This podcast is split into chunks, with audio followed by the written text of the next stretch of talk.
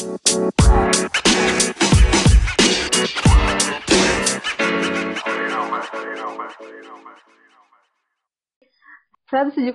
FM Radio Kampus ITB Play your best music.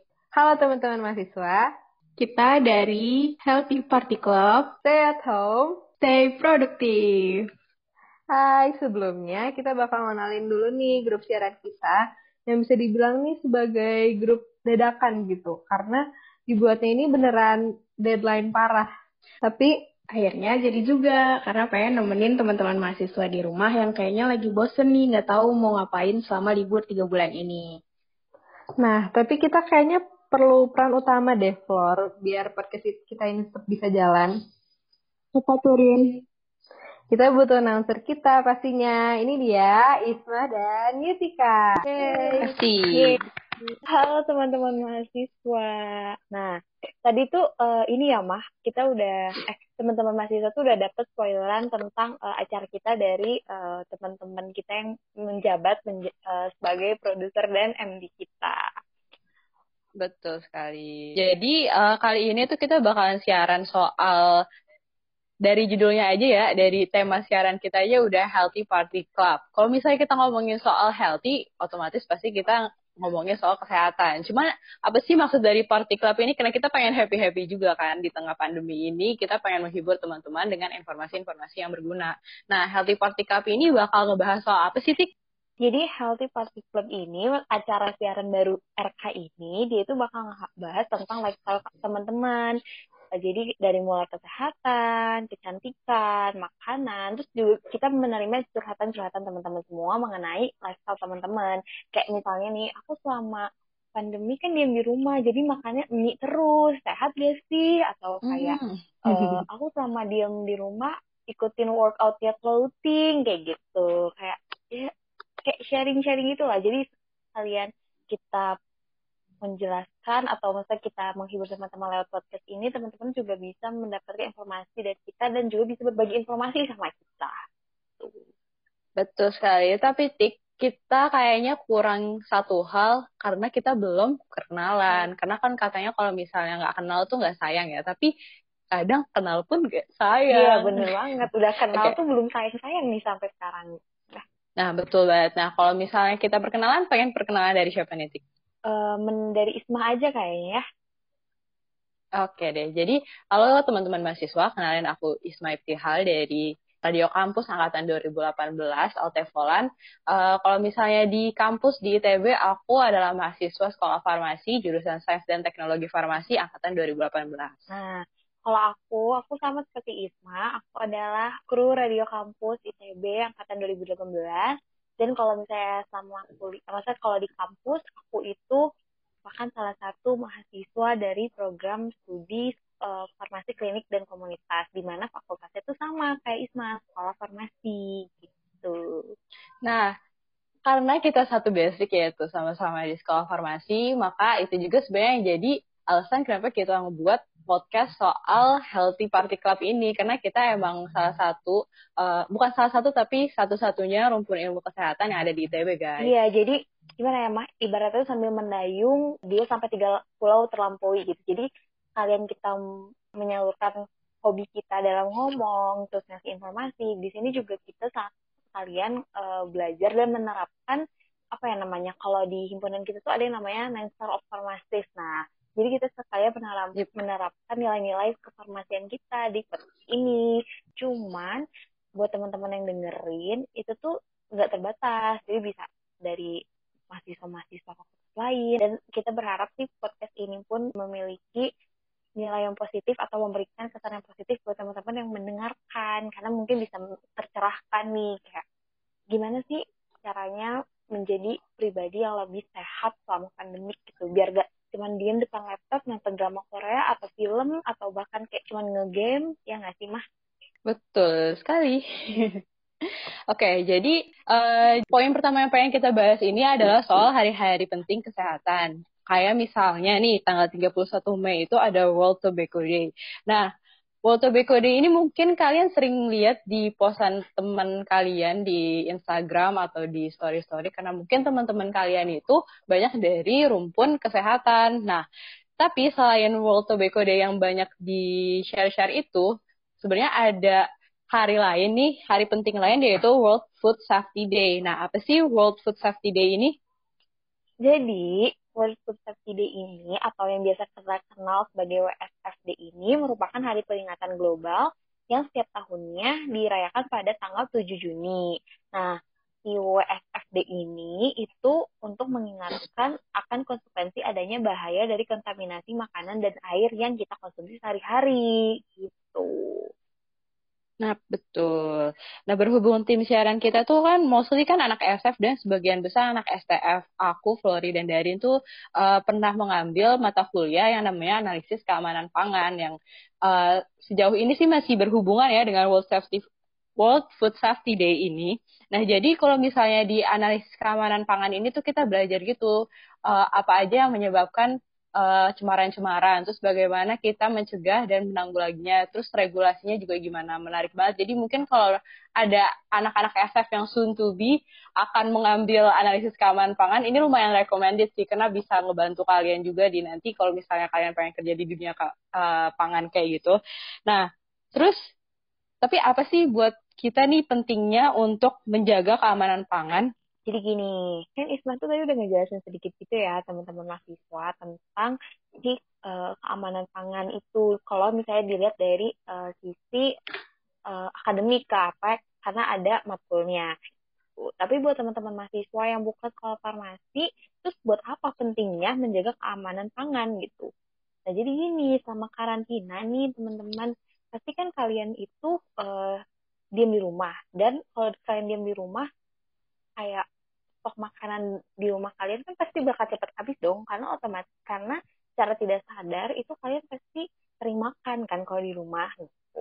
Nah makannya itu stok makanan itu pasti dibutuhkan saat masa-masa pandemi kayak gini. Nah mau itu makanan yang kalian masak sendiri jadi kayak bahan apa namanya bahan bahan buat masaknya tuh udah di stokin gitu atau yang kayak makanan ringan-ringan gitu. Atau mungkin uh, mungkin kan juga bisa beli di Gojek gitu kan.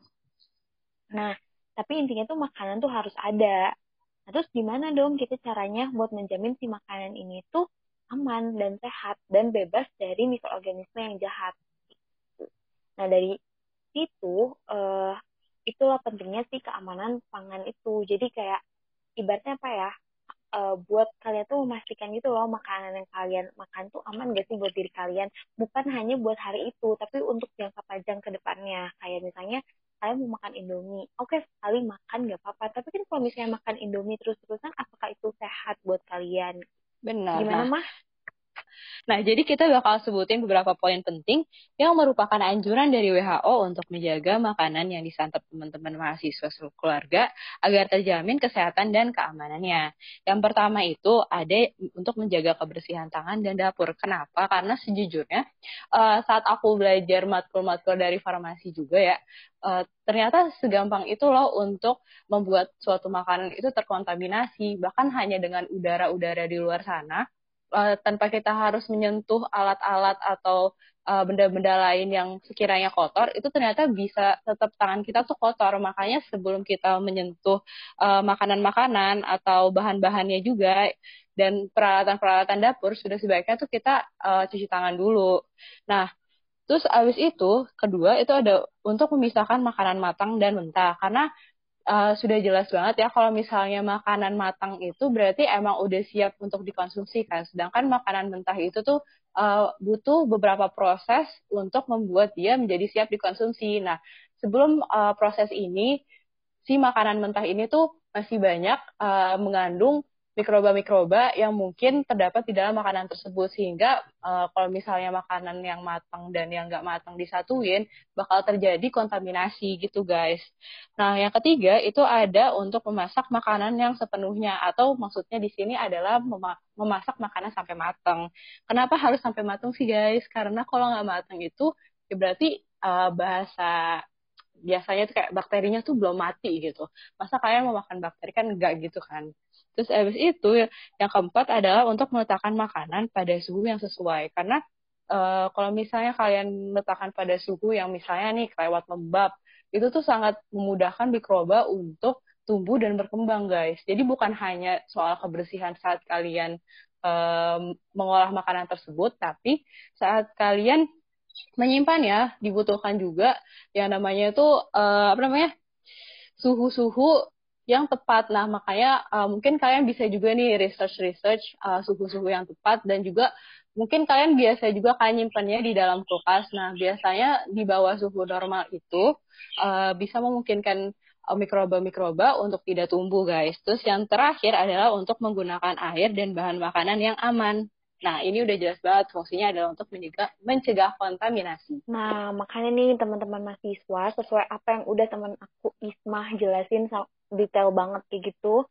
Nah, itu tuh uh, penting banget untuk kita yang lagi di masa pandemik gini.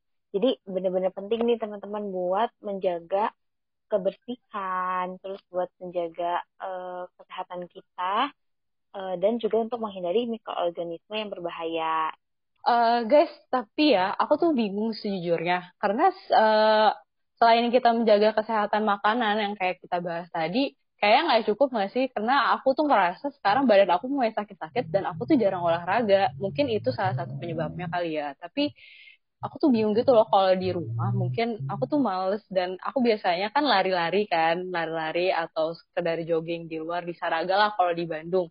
Kalau kamu memang bisa tik kalau misalnya workout di rumah oh, gitu? aku iya bisa dong ma itu hanya perlu niat dan perlu uh, apa ya itu kan niat. Kalau selama ada niat semua tuh bisa terjalankan. Sebenarnya tuh aku lebih sering olahraga dalam rumah. Nah kayak ini kan ya kok hmm. bisa olahraga dalam rumah? Pasti punya treadmill atau pasti punya alat-alat kesehatan gitu. Enggak teman-teman. Aku cuman punya yep, iya, laptop buat olahraga dalam rumah. Pasti penasaran kan kenapa? Apa tuh yang aku lakukan gitu kan ya? Kok bisa sih aku olahraga dalam rumah? Kok bisa gitu kan? Kenapa kok bisa aku olahraga cuman dengan bermodalkan punya laptop atau bahkan cuman punya HP pun bisa gitu? Gak harus tuh kayak beli treadmill atau alat yang buat sepeda gitu atau alat yang buat angkat beban bla bla bla bla gitu kan ya pribadi itu aku lagi nyobain workout dari Amy Wong. Jadi kalian bisa buka YouTube-nya cari Amy Wong di situ dia kayak ngasih uh, tutorial-tutorial workout gitu dan uh, kalian juga pasti deng pernah dengar yang namanya apa sih clothing ya kalau nggak workout yang clothing yang diikutin sama uh, selebgram yang namanya Lula Lava yang akhirnya hampir semua teman-teman hmm. aku yang di uh, apa sih namanya di IG itu pada ngikutin uh, si coaching ini. Nah, tapi karena aku tuh gak advance dalam workout kan, jadi kayak baru gitu kan nyobain atau dan si bentuk-bentuk gerakan workout ini tuh kan kayak bermacam rupa gitu kan kayak banyak banget. Jadi aku tuh sebelum workout, sebelum memilih uh, aku mau ikutin workout yang mana, aku tuh selalu uh, nyari tahu dulu kayak mana sih workout yang cocok buat aku. Caranya gimana? Karena aku tuh nggak terbiasa atau aku tuh baru lah dalam dunia workoutan jadi aku tuh nyarinya yang uh, masih standar dan easy peasy tuh apa ya tuh apa namanya tuh apa easy to try. untuk ah uh, to try. Jadi kayak lebih gampang gitu loh kita mengaplikasikan dalam diri kita sendiri. Karena kan kalau misalnya dalam video tuh sama yang kita lakuin kalau misalnya nggak ada pendamping kan kadang mungkin ada yang salah. Kayak harusnya uh, misalnya harusnya punggung punggung. Misalnya punggungnya harusnya datar tapi ternyata pas kita pelaksanaannya kita tuh apa ya kayak bungkuk lah atau gimana kayak gitu kan. Itu kan bisa salah-salah juga. Dan akhirnya hasil workout itu nggak maksimal. Ini aku pakai yang easy aja yang pas aku pas aku coba dan pas aku lihat di video tuh sama gitu. Tuh dan aku dapet tuh si Amy Wong itu gitu teman-teman. Karena kalau yang floating setelah aku lihat gerakannya itu susah dan apa ya dan emang bakal bener-bener ngebakar sih kayak gitu Tuh menarik banget guys insight dari Utik. Jadi sebelum kalian cari-cari atau sebelum kalian mencoba nih sebenarnya kalian yeah. searching dulu gitu ya Tik ya agar kalian tuh tahu sebenarnya kemampuan diri kalian untuk ngelakuin Betul. workout itu tuh kayak gimana. Nah, dari yang aku baca, menurut anjuran WHO itu, kita tuh sebenarnya bisa banget loh untuk olahraga di rumah dan caranya tuh gampang banget. Yang pertama itu adalah dengan cara ikut exercise class online. Nah, exercise class online ini tuh bisa via YouTube, via TV, dan juga aku pribadi tuh aku sering banget ngeliat kayak selebgram selebgram yang emang kerjaannya workout atau emang dia expert di bidang per workoutan ini, aku tuh sering lihat uh, IGTV-nya mereka gitu loh. Jadi mungkin kayak sembari kalian iseng-iseng nge-scroll Instagram, kalian bisa juga kayak, oh jadi workout yang bener tuh kayak gini. Mungkin kalian abis itu searching dulu, bener gak sih workout ini bisa dipakai ke tubuh gue atau enggak gitu. Nah, dan step kedua atau cara kedua cara lainnya adalah dance. Kalian kan pasti tahu banget kan yang sekarang lagi TikTok. hype itu apa? Apa iya, everyone? TikTok. Betul banget. Kalau misalnya kita ngomongin TikTok nih, pasti kalian kayak, iya apa sih? Kadang ya aku mikir awal-awal di apa sih? Kayak gue ngapain nge-TikTok, alay banget. Tapi sebenarnya sembari kalian nge-TikTok itu kalian olahraga guys. Jadi kalian keluar keringet juga dan emang kan TikTok setahu aku emang gerakannya tuh nggak terlalu yang expert kayak kalian harus bisa dance baru kalian nge-TikTok kan. Jadi kalian bisa ngelakuin TikTok ini tuh dengan santuy gitu. Nah, yang ketiga itu adalah main games bareng keluarga yang melibatkan fisik. Nah, kalau misalnya ngomongin hal ini tuh sembari kalian workout atau kalian mengeluarkan keringat, kalian juga bisa bonding guys sama keluarga kalian. Kalau misalnya ini aku terapin sih, soalnya kadang aku sering main gitu sama uh, adik-adik aku, terus yang kalah aku suruh me mereka megangin aku, terus aku sit up gitu. Terus yang keempat itu adalah lompat tali. Nah, selain aku sering lari, aku juga sering lompat tali, tapi uh, emang jarang sih akhir-akhir ini, mohon maaf banget. Tapi emang aku tuh suka uh, salah satu cara olahraga yang aku suka tuh adalah lompat tali. Karena lompat tali tuh simple banget, guys. Kalian cuma butuh tali doang, terus kalian lompat. Dan aku tuh biasanya targetin gitu. Uh, sehari tuh pagi 50 dan sore tuh 50. Jadi kalian ngelakuin ini dengan rutin. Dan biasanya kalau misalnya rutin ini tuh kalian bisa sebut dengan ketahanan Mantap. fisik. Mantap. Oke, okay. yang terakhir adalah lakukan beberapa muscle strength dan balance training. Jadi ini tuh sama kayak yang aku bilang muscle strength itu tuh beda ya guys. Ini tuh maksudnya ketahanan otot itu beda dengan muscle building. Jadi kalian bukan uh, fokusnya itu bukan untuk memperbesar otot tapi untuk meningkatkan ketahanan otot dan juga balance training. Nah, ini tuh salah satunya tuh dengan cara yang kayak workout workout kecil gitu guys. Nah, tapi di, di selain itu semua tuh ada cara yang paling mudah Jadi, kayak yang paling mudah banget. Apa Kalau misalnya kalian males lihat YouTube, males kalian uh, ngedance TikTok atau males yang semua yang Isma udah sebutin tadi, kalian tuh gampang banget, gampang banget sumpah. Dengan kalian bersih-bersih rumah aja itu tuh bisa membakar kalori kalian, teman-teman. Jadi kayak cuma dengan nyapu, ngeberesin kamar, ngepel, masak, atau bantuin orang tua nyuci piring atau misalnya nih yang rumahnya dua tingkat, empat tingkat, lima tingkat, ngepel dari lantai satu sampai lima, nyapu dari lantai satu sampai tiga, nah itu tuh udah sangat bisa membantu kalian dalam uh, membakar kalori atau lemak di tubuh kalian. Kalau kalian emang udah malas banget tuh yang namanya workout. Yang penting tuh ada gerak fisik aja. Kan kita cuma di rumah doang kan ya. Kan kalau misalnya di kampus dari gedung ini ke gedung ini teman-teman bisa jalan. Terus e, naik dari lantai satu ke lantai dua naik tangga gitu kan ya kalau misalnya di kampus tapi kan kalau di rumah pasti males banget gak sih melakukan hal-hal itu nah makanya kalau misalnya teman-teman disuruh nih sama e, orang tua kayak dia bantuin dong atau kak bantuin dong e, nyuci piring ngepel iya iyain aja karena kenapa itu sekalian teman-teman juga melakukan aktivitas fisik jadi bisa bakar kalori yang ada gitu. Dan aktivitas-aktivitas kecil ini tuh baik banget guys untuk kesehatan mental, biar nggak cepet bosan dan biar nggak galau mulu nih buat para LDR LDR one dan LDR LDR wati kan. Kalian daripada nungguin si doi aduh nggak balas-balas mendingan kalian ngelakuin pekerjaan-pekerjaan yang bisa membuat kalian menghabiskan waktu iya bener banget apalagi yang guys. dipaksa LDR ya mas nah, jadi yang awalnya tuh dia nggak LDR tapi karena pandemik jadi LDR iya. oh gitu pengalaman iya. pribadi iya. mungkin ya kayaknya ya bener banget bener Oke, okay, jadi uh, sebenarnya ada waktu-waktu juga yang sebenarnya cocok buat dewasa dan anak kecil selama workout ini. Jadi uh, buat orang dewasa itu minimal durasi olahraga atau workoutnya itu dia 30 menit, sedangkan untuk anak-anak minimal durasi olahraganya itu satu jam. Nah, selain itu juga kalau lagi kalian nugas ataupun belajar, kita tuh harus banget nih cek posisi duduk. Karena apa tuh, Tik? Ini tuh bisa, apa ya namanya, dia tuh berperan dalam menentukan postur tubuh. Bukan menentukan ya, apa ya bilangnya. Kayak, ya pokoknya kayak dengan duduk kalian yang seperti apa itu poster bisa membentuk postur tubuh kalian yang seperti apa gitu Nah, jadi kalau misalnya kalian duduk nih, teman-teman, kalau misalnya kalian ngerjain tugas duduk depan laptop, itu jangan sampai terlalu lama. Dan juga harus diselingi dengan stretching-stretching gitu. Jadi jangan sampai kalian duduk aja depan laptop sampai 12 jam, nggak pernah berdiri gitu ya. Atau ya pokoknya cuma duduk doang gitu. Nah, itu jangan sampai. Terus postur duduknya juga harus tegak, harus nggak boleh yang terlalu condong ke depan atau miring gitu. Ya, sama dari pengalaman pribadi aku aja nih, aku kalau misalnya belajar gitu, biasanya uh, setiap 20 menit atau 25 menit tuh aku stretching guys. Karena kenapa? Karena aliran darah kita tuh bakal lebih lancar dan menurut aku suplai oksigen kita juga akan lebih uh, lebih banyak gitu. Dan kita tuh bakal lebih fokus kalau seandainya kita memperbanyak stretching di sela-sela belajar kita juga. Jadi jangan kalau seambis-ambisnya kamu jangan belajar terus. Kalian harus iya bener banget. harus menggerakkan tubuh bosen guys ya. kayak gitu. kalau aku kalau di kelas aku udah bosan belajar buka TikTok terus kita joget TikTok. Gitu. Tapi enggak sih sekarang udah enggak. Oh, gitu.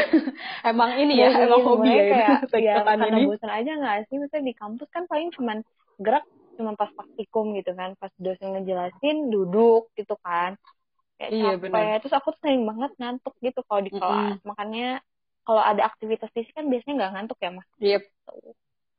Iya.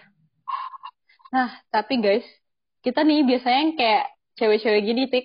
Pasti kita kan mikirin, aduh, kalau misalnya workout keringetan, Hmm. terus habis itu bau, terus habis itu, aduh, muka gue jadi lembab, berminyak. Kalau misalnya berminyak dan keringetan akan mudah uh, kena jerawat. Nah, jadi kita di sini akan nge-share tentang how to care for your skin when working out. Nah, Apa jadi aja tuh ada beberapa skincare yang bisa kalian pakai sebelum workout, setelah workout, atau selama workout. Sebelum workout, bagusnya pakai skincare apa ya? Pas setelah workout, bagusnya pakai skincare apa ya? Jadi jangan kalian sangka selama workout itu kalian eh, nggak harus pakai skincare. Ternyata ada kok guys skincare skincare yang bisa kalian pakai selama workout, kayak gitu. Kalau aku pribadi, aku tuh biasanya kalau mau workout, aku selalu bersihin dulu muka aku dan ternyata itu memang perlu dilakukan. Jadi gini, sebelum workout, kalian bisa bersihkan wajah kalian dengan cleanser yang mild non-drying cleanser. Jadi eh buk cleanser yang nggak bikin eh, muka kalian tuh kering gitu. Nah kalau aku aku biasanya aku tuh sebelum olahraga nggak cuci muka, tapi eh, cuman pakai toner yang buat ngebersihin muka gitu. Nah terus selanjutnya Nah, ini sama kan sama nih kayak aku. Jadi dia selanjutnya memakai toner yang bebas alkohol. Sebenarnya mau kita mau workout ataupun kita nggak workout, itu tuh toner toner atau apa pun skincare apa pun yang bakal ditempelin ke muka kalian itu harus bebas alkohol, guys. Kenapa? Karena alkohol itu kan dia keras gitu kan ya. Terus kalian bayangin kalian simpen-simpen yang keras ke muka kalian gitu. Gitu. Nah, selanjutnya saat pakai toner, kalian bisa pakai moisturizer yang eh, ringan gitu dia terus dia bebas minyak juga nah terus setelah itu kalau misalnya kalian workoutnya di luar gitu ya di lingkungan luar yang terpapar sinar matahari kalian bisa pakai sunscreen pokoknya pastiin kalau kita itu melindungi kulit muka kita dan kulit tubuh kita agar tetap bersih gitu nah kalau sama workout ini gimana Jadi kalau selama workout ini sebenarnya intinya itu kan kalian kan megang uh, entah lantai, entah kalian emang workoutnya pakai alat-alat cardio atau weightlifting. Jadi uh, karena kalian tangannya ke mana-mana tuh jangan sampai kalian pegang wajah kalian guys. Karena bahkan tidak workout pun kalian jangan pegang wajah kalian kan. Apalagi workout yang kalian berkeringat dan megang alat-alat yang kotor. Jangan sampai tangan kalian yang kotor itu menyentuh wajah kalian guys karena itu tuh sumber dari sumber-sumber-sumber jerawat. Kalau misalnya post workout itu kalian bisa banget uh, setelahnya itu pertama ngadem dulu ya guys jangan lupa jangan langsung cuci muka ya pokoknya kalian ngadem dulu jadi abis ngadem ini kalian tuh bersihin dulu wajah kalian biasalah kayak tadi terus abis itu beri pelembab dan lindungi wajah. Nah, lindungi wajah kalian bisa pakai sunscreen nih. Apalagi kan biasanya workout itu dilakukan di pagi hari ya guys. Nah, sisanya tuh siang hari kan panas ya. Nah, sunscreen ini bukan hanya bisa kalian pakai di luar ruangan, tapi di dalam ruangan pun kalian tetap harus pakai sunscreen guys. Ingat ya, jangan lupa pakai sunscreen. Dan yang terakhir itu adalah soothe and cool down. Soothe and cool down ini jadi kalian biarkan uh, kulit kalian yang tadi tuh udah udah bekerja keras lah selama workout. Jadi kalian istirahat yang cukup setelah itu baru kembali beraktivitas lagi. Nah, kita dari awal tuh udah um, bicarain tentang World Food Safety Day, terus kita ngomongin soal workout dan how to care for your skin when you work out. Nah, gimana nih guys ringkasannya? Eh gimana nih tik ringkasannya?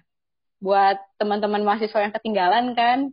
Nah, jadi tuh pertama mengenai gimana caranya teman-teman menjaga uh, keamanan makanan teman-teman gitu yang sekarang ini kan pasti teman-teman masih semua ngestok makanan kan di rumah dan salah satu cara untuk menjamin makanan itu sehat atau enggak buat teman-teman adalah dengan teman-teman menjaga kebersihan dari makanan itu kayak gitu. Ya udah dipaparin gimana caranya. Terus selanjutnya juga kita bahas tentang workout. Kenapa kita bahas tentang workout? Karena seperti yang teman-teman tahu, sama pandemi ini kan teman-teman diamnya di rumah aja nih. Kadang kalau kita ada diam di rumah tuh pasti malas gerak kan. Nah, inilah yang bisa bikin uh, keadaan tubuh itu jadi nggak sehat. Padahal makanannya udah terjaga, tapi karena kita jarang olahraga, jarang bergerak, tetap aja menimbun lemak. Nah, workout ini merupakan salah satu cara nih temen, buat teman-teman yang uh, malas keluar rumah buat olahraga, jadi bisa olahraga di rumah dengan cuma nonton YouTube. Terus selain workout juga bisa yang dari TikTok tadi, terus bisa dengan cara beres-beres rumah juga. Yang penting istilahnya bergerak. Dan untuk workout, aku mau ngasih satu note lagi di mana teman-teman itu harus uh, melakukan workout tuh work, ulangi melakukan workout tuh sesuai dengan kemampuan teman-teman gitu. Nah, terus yang terakhir itu tadi kita bahas tentang skincare. Skincare apa aja yang bisa teman-teman pakai selama workout atau sebelum workout ataupun setelah workout untuk menjaga kondisi kulit teman-teman biar tetap kinclong, bersih. Yeay. Oke okay guys, sampai sini podcast Healthy Party Club. Stay at home, stay productive. Untuk uh, podcast-podcast berikutnya, aku pengen kasih tahu kalian kalau kalian bisa banget ngasih saran tentang tema-tema yang mungkin kalian penasaran dan pengen kita kaji nih guys. Dan kasih tahu kalian. Caranya gampang banget, tinggal kalian DM aja ke at Radio Kampus ITB, nanti DM-nya kita baca guys. Nah, kalau kalian sungkan nge-DM Radio Kampus, kalian bisa nge-follow dan nge-DM IG kami di Aku at Ismail. Aku at DHARINR. Aku at FlorivelDS. Dan aku at Yutika NDHRA. Selain itu, podcast ini akan tayang setiap kapan, Darin? Setiap Jumat jam 3 sore. Jadi ditunggu ya, guys. Tetap stay tune di 107,7 FM Radio Kampus ITB. Play your best music. Oke okay, guys. See you. Eh, Jumat minggu depan. Hari Jumat.